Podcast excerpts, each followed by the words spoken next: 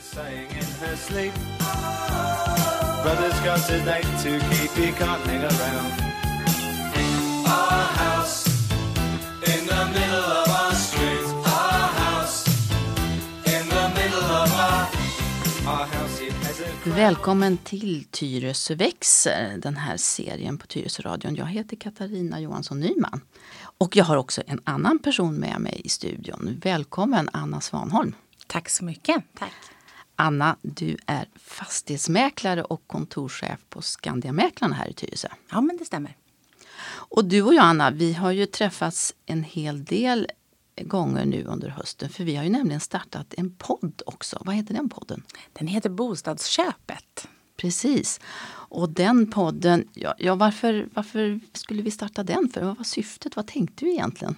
Ja, men vi, vi satt nog och diskuterade och kom underfund med att det här med att köpa bostad är inte så lätt alla gånger. Och man vet inte alltid vad man ska tänka på, vad som är viktigt att ta hänsyn till. Så vi tyckte att vi skulle försöka lära våra invånare i Tyresö om hur man köper en bostad helt enkelt.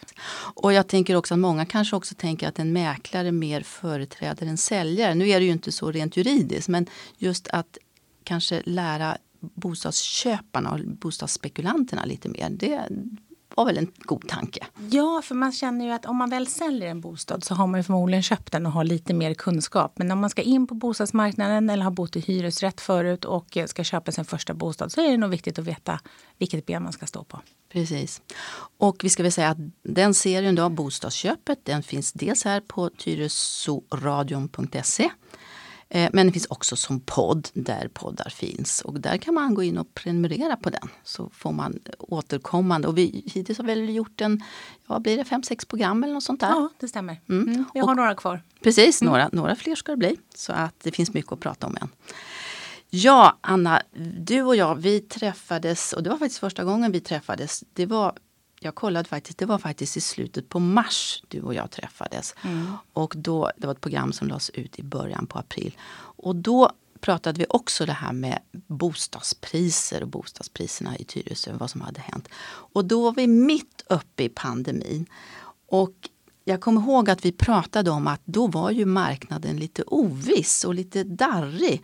Och det var lite svårt att säga hur, hur det skulle bli. Kommer du ihåg när vi satt här och pratade om det? Ja, och jag kommer ihåg hur det var för oss i den här branschen då när vi hade affärer som gick tillbaka för att bankerna sa till våra köpare att nej, köp ingen bostad nu, det är en pandemi på gång, priserna kommer gå ner. Och många hoppade av sina köp. Fem i tolv. Man hade skrivit på kontrakt och sen kunde man utnyttja en, en villkorsklausul om man hade det i, köpet, i köpekontraktet. Och folk hoppade av. Oj, Och många sålde sina bostäder, flyttade till hyresrätter för att köpa när villapriserna hade gått ner. oh. och det kan man väl säga nu i efterhand, det var ju inte så klokt. Nej, det, det är som jag alltid brukar säga, det gäller att köpa och sälja i samma marknad. Det går inte att spekulera om en nedgång på bostadsmarknaden och det kan vi ju se klart och tydligt i år för att i år så har ju priserna gått upp mer än någonsin. Det har ju varit ett prisrally, framför allt på villor här i Tyresö. Oj, ja. Och det är det vi ska lite grann prata om nu då. Ja, Anna, hur, hur ser det ut nu då idag? Vad, vad har hänt med priserna om vi tittar tillbaka ett år? Ja, men tittar vi tillbaka på hur priserna har sett ut på just på villasidan så har de gått upp med 19,3 procent i Tyresö. Oj, Och ska vi titta på snittpriserna i Tyresö så ligger idag ett snittpris på en villa på 6,3 miljoner och för ett år sedan på 5,4 ungefär. oj. Men du, vad det gäller bostadsrätter då kan jag förstå att, att det är mycket enklare att, så att säga, jämföra då för att lägenheter är ju oftast mera lika. Men hur, hur funkar den här statistiken? Hur, hur kan man jämföra liksom en villa med en annan som säljs i för det kan vara väldigt stor skillnad på hur, hur de ser ut och sådär. Hur, hur, hur går själva det här statistikräknandet till? Vet du det? Ja, när man tittar på villor som är då som du säger lite mer komplicerat än bostadsrätterna där man bara mäter på kvadratmeterpriset eh, så, så har vi ett eh, index tal som vi tittar på som kallas för ett KT-tal. Och det är då köpesumman genom taxeringsvärdet. Och det använder man sig inte av på det sättet. Men man kan däremot jämföra hur de här KT-talen har förändrats över tid. Och vi har statistik så vi kan gå tillbaka under flera år tillbaka och titta på hur det faktiskt har sett ut. Och nu ser jag att du har framför dig en väldigt fin kurva där som verkligen eh, eh går upp och ner. Och ja, det ser ut som vi är på all time high nästan. Eller ja, ja är vi det kanske? Ja, tittar man de senaste 48 månaderna tillbaka så var vi som högst i februari, mars, april 2017. Sen dippade priserna rejält i januari 2018 och det berodde på det här amorteringskravet som infördes. Och därifrån 2018 så har det legat eh, ganska jämnt. Det har varit någon liten topp eh, och sen en liten dal. Eh, februari 2019 då var vi på samma som januari 2018. Sen har det därifrån bara ökat hela tiden. Och nu ligger vi på ett indextal på 1,6. Och det är alltså betydligt högre än, än, när den där kurvan startade då, alltså 2018? Ja, i december, december 2016 då låg vi på 1,4 ungefär i det här indextalet. Mm. Ja, det är en stor skillnad. Och, och den här, de här siffrorna då, är, är det här Tyresö eller är det Stockholm? Eller? Just den här siffrorna är från Tyresö, men utvecklingen över hela landet har sett ut ungefär på samma sätt. Mm. har det gjort. Så priserna i landet har gått upp väldigt mycket. Ja. Mm. Mm. Och det där är då villor. Eh, och ehm, hur är det för bostadsrätter då? Ja, men de har också ökat i pris. Eh, och där har vi inte riktigt samma utveckling men vi har väl en, en snitthöjning på 15 procent i Tyresö på bostadsrätterna. Mm. Ja, det är också väldigt hög förändring. Ja, det är det. Och det är då rullande 12 tillbaka ska jag säga. Tittar man på senaste tre månaderna så har det inte varit, då har det varit en eh, prisutveckling på 2 procent. Mm. Mm. Så det, det, den, stora, den stora höjningen då, skedde den så att säga under sommaren och, och eh, början på hösten? Kan man säga så? Eller? Ja, jag skulle säga att det, det drog iväg i augusti och det gjorde det både på villor och eh, på, på bostadsrätter. Då, då, insåg folk efter pandemin. Och jag tror också att det var lite grann så här, om man tittar på hur vi har levt under det här året så har vi haft det ganska vi var isolerade första, halvår, första delen av halvåret. Sen kom sommaren. Det lättade. Vi insjuknade inte lika många i corona. Och vi har, eh, kände väl att vi var på rätt väg och folk vågade köpa bostäder. Och man, jag tror en faktor är ju såklart också att man behöver en större bostad. Många jobbar hemifrån. Och det vi inser nu det är att vi behöver inte ha så stora kontor utan fler och fler kommer att jobba hemifrån. Och man har mycket Teamsmöten och eh, ja, digitala möten. Mm. Och det tror jag har påverkat. Och under sommaren då när man satt hemma så insåg man att ja, men vi kommer inte resa lika mycket. Då lägger vi de pengarna vi har lagt på våra semesterresor lägger vi på vårt boende. Och då tog det fart. Ja precis, för det här som du säger det här med att, att folk jobbar hemma mer och mer, det har man ju hört som ett argument. Men när ni pratar med era kunder, är det det de säger också det här med att resa, man kanske kommer att resa mindre i framtiden, man, man kanske kommer att leva ett annat liv? Vad, vad, är argumenten, vad hör ni? Alltså man har nog inte pratat så mycket om det utan man har nog gått in i den här bostadsbubblan. Jag tror att vi alla på något sätt har gått in i en, en bostadsbubbla och en coronabubbla där vi faktiskt eh, känner att eh, om uttrycket mitt hem är min borg har varit starkt förut så är det ännu starkare idag. Man, man vill vara hemma på ett annat sätt tror jag. Och känna tryggheten och trivas där man är i vardagen. Mm. För det är klart att det har ju faktiskt den här pandemin inneburit att vi har alla skakats lite grann i grundvalarna. Man, mm. man, man, man, kan känna funderingar över mycket här i världen. Eh, över vad som är viktigt och sådär. Och det är klart, precis som du säger, då blir man, då vill man vara hemma och kokona. Ja, jag tror det. Mm. Eh, det ser man ju bara på dels på bostadsbranschen men också även för, för hantverkare vad det gäller målare och andra hantverkare som gör jobb hemma. Så de har ju också haft all time high. Just det, alla ska fixa hemma och sådär. Du, och den här ökningen då, nu pratar vi om Tyresö, men hur står sig Tyresö i förhållande till andra kommuner här i Stockholmsområdet eller landet? Vet du någonting om det? Men tittar man på Stockholm, över, alltså Storstockholm överlag så är det ungefär samma procent. Jag tror att det ligger på 18 procent i Storstockholm om vi tittar på det. Eh, så det, det, är ungefär samma skulle jag säga. Ute i landet har priserna också ökat eh, och där tror jag kanske att det är mer fritidshusen som har dragit upp statistiken än vad det har varit eh, permanentboenden som det har varit här i Tyresö. Och jag tänker ju att Tyresö kanske upptäcks av många fler nu just med tanke på att vi har så mycket fina grönområden och nära till vatten och sådär. Så att Tyresö kanske blir ännu mer populärt som bostadskommun. Ja, men vi får hoppas det. Här får man ju lite eh, av både och. Vi har fin natur, vi har mycket strömområden och vi har också en fin skärgård inpå knuten.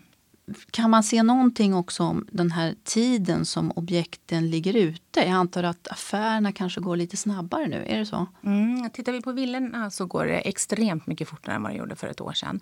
Eh, vi har kanske Säg att villorna la ut det två, tre veckor förut. Eh, man la ut dem på Hemnet och sen så mm, en och en halv vecka innan det var dags att eh, visa och sen så tog det en vecka kanske en och en halv innan kontrakt skrevs.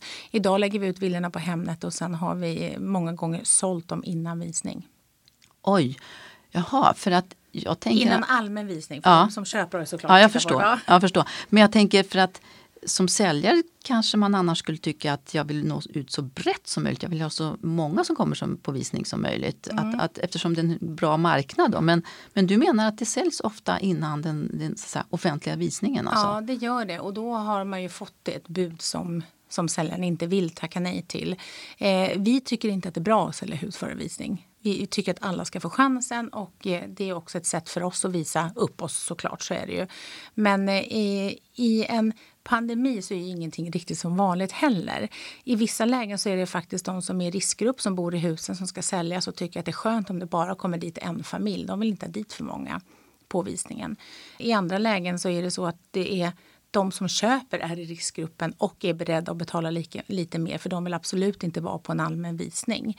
Eh, nu ordnar vi privata visningar så att det går att lösa på så sätt. Men har man sett hur budgivningen har dragit iväg här i Tyresö nu så förstår man att man vill lägga ett bud innan. Men vi rekommenderar att man går till visning, absolut. Mm. Vad jag förstår så är det inte så många villor som kommer ut just nu i Tyresö. Nej, det är, alltså jag skulle säga så här, det har sålts ungefär lika många villor i Tyresö i år. Men det har inte kommit ut lika många på nätet utan det är mycket underhandsförsäljningar. De ligger ute som redo, som vår tjänst heter, när man förbereder en försäljning och så ligger de på vår hemsida och så kommer de ut, eh, säljs de därifrån redan.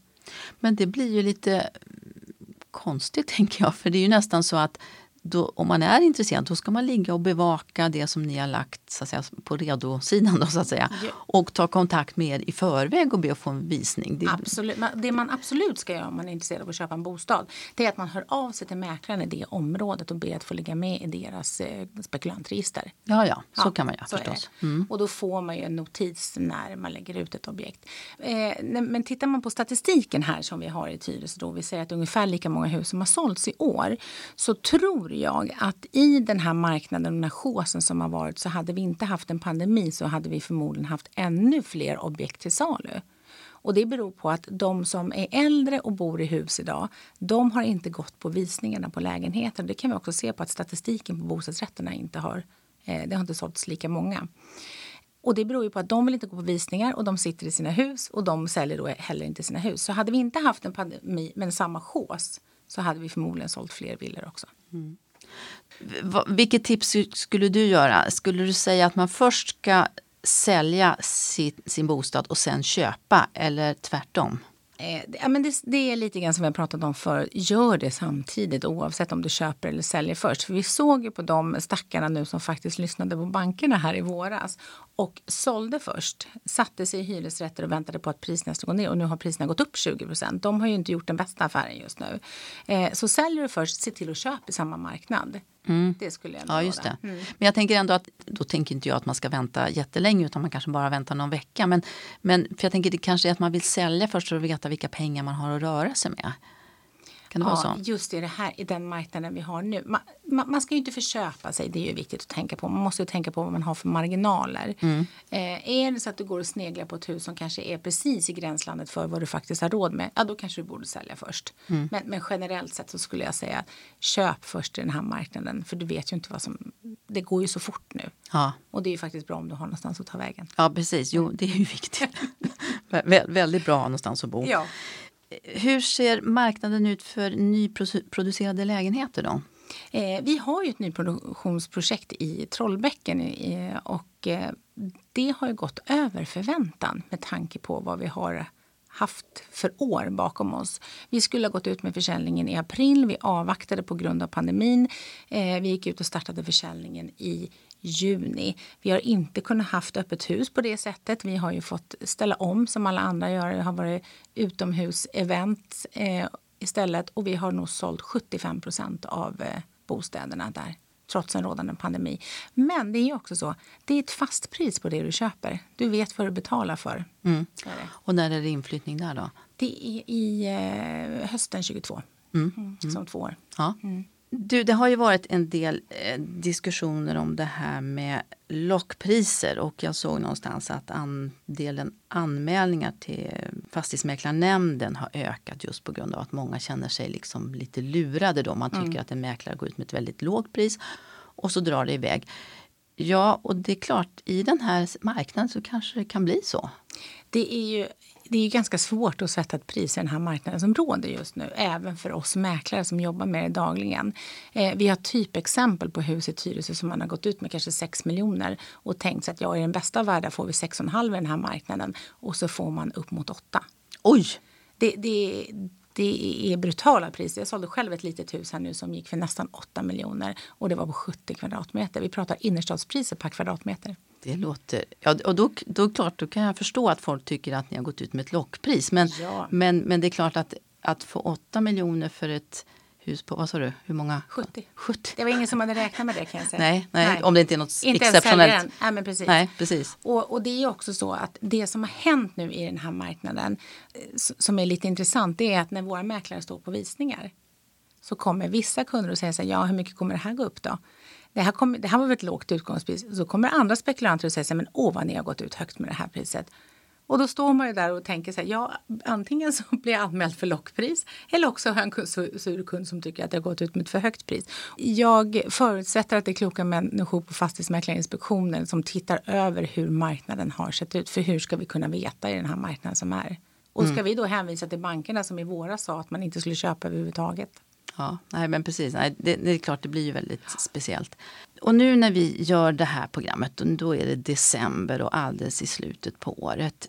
Det är klart att det är väldigt svårt att titta i kristallkulan, men vad vi har förstått nu då, det är väl att ja, förhoppningsvis så kommer ett vaccin här nu då under nästa år. En del tror att, ja, regeringen sa väl häromdagen att man tänker sig att de flesta ska vara vaccinerade fram till sommaren. Personligen kan jag nog tro att det kan dröja lite längre. Eh, och sen så ska det ju liksom på något sätt sätta sig och, och liksom folk ska ändå börja tordas börja resa för att bara för att vi får ut vaccin i Sverige så är det inte säkert att det är så i andra länder och sådär. Så hur, hur tror du att det kommer att se ut framåt? Jag tror att vi... Eh, alltså min personliga åsikt är att jag tror att vi kommer ha ett före och efter coronapandemin. Jag tror inte att vi kanske kommer börja resa på riktigt samma sätt som vi gjorde tidigare. Jag tror att det kommer ta tid innan vi är tillbaka i resandet. Eh, vilket också gör att jag tror att vi fortsätter satsa på våra eh, hemmasemestrar. Eh, vi vill, jag tror att vi värdesätter vardagslyxen på ett annat sätt nu än vad vi har gjort tidigare. Förut så kanske man eh, kunde leva lite mer spartanskt och eh, ha lite tråkigare hemma för man såg fram emot de här veckorna när man reste varje år. Eh, det tror jag är den stora skillnaden just nu. Och sen så är det ju så att eh, tittar vi, vi säljer ju fortfarande otroligt mycket fritidshus uppe i fjällvärlden. Trots att vi inte vet om de öppnar liftarna i år. Det är det som är dilemmat. Men jag tror att vi kommer satsa mer på våra boenden. Sen tror jag också att det kommer bli... Vi har tagit bort amorteringskravet och det är ju såklart en bidragande faktor. Den är borttagen fram till juni 21. Det som jag har hört av flera olika instanser är att man ifrågasätter om man överhuvudtaget ska eh, återinföra amorteringskravet. Vi får se. Du, en annan sak som slog mig, det här har ju diskuterats i många år hur, hur man ska underlätta för ungdomar att komma in på bostadsmarknaden. Och häromdagen så säger då Per Bolund, och bostadsministern, att man överväger eller man, man ska tillsätta en utredning för att titta på om man kan ge unga någon typ av subventionerade lån då för att man lättare ska kunna komma in och köpa en bostadsrätt. Och då är det väl antagligen till kontantinsatsen, de där 15 procenten då skulle jag väl tro. Men jag tänker att det där, det, det kan ju låta väldigt bra men det kan ju också ha en prishöjande effekt. Eh, har ni bland mäklare diskuterat det där någonting? Tycker ni att det där vore en bra idé? Alltså jag tror ju att eh, om det är så man gör det så är det klart. Man gör ju, avsikten är ju att vi ska få in våra förstagångsköpare på bostadsmarknaden. Och då kan man ju fundera på, är det, ska man ha en subventionerat lån eller ska man ta bort amorteringskravet? För det, det, är ju faktiskt lite så att tar du bort amorteringskravet då kanske du inte behöver ha den här subventionen som du har. Sen tror jag att det är av godo att man ser till att folk kommer in på bostadsmarknaden. Eh, det är, de flesta betalar ju mer för sitt boende idag om man bor i hyresrätt. Mm, och så då är det, är det ganska Mm. svårt att som ung person idag, du är 22-23 år, du har flyttat hemifrån och så har du en, en hyra på 11-12 000 kronor i månaden. Och du vet att hade jag köpt en bostadsrätt så hade jag haft en lägre månadskostnad. Men jag får inte låna pengarna och jag kommer aldrig komma in på bostadsmarknaden. Så ja, jag vet inte. Jag tror att alla medel för att få, in, få kunna göra, se till att våra ungdomar kommer in på bostadsmarknaden är bra. Sen vet jag inte vad som är hönan eller ägget om jag ska vara riktigt ärlig. Jag är ju inte för amorteringskravet, det lyser ju igenom när jag pratar. Men, men jag tycker mest att det har varit av ondo och det tycker nog vår branschorganisation också. Mm. Det är ju bra att du är ärlig och säger vad du tycker. Då vet vi ju det. Ja. Precis. Ja, då har vi fått höra lite grann om hur prisutvecklingen på bostäder har varit här i Tyresö senaste året. Och så får vi se hur det blir framöver. Ja, Anna, tack så mycket för att du ville komma hit till Ja, Tyresöradion. Tack så mycket för att jag fick komma. Jättetrevligt. Och då säger vi tack så mycket för idag. Hej då! Hej då!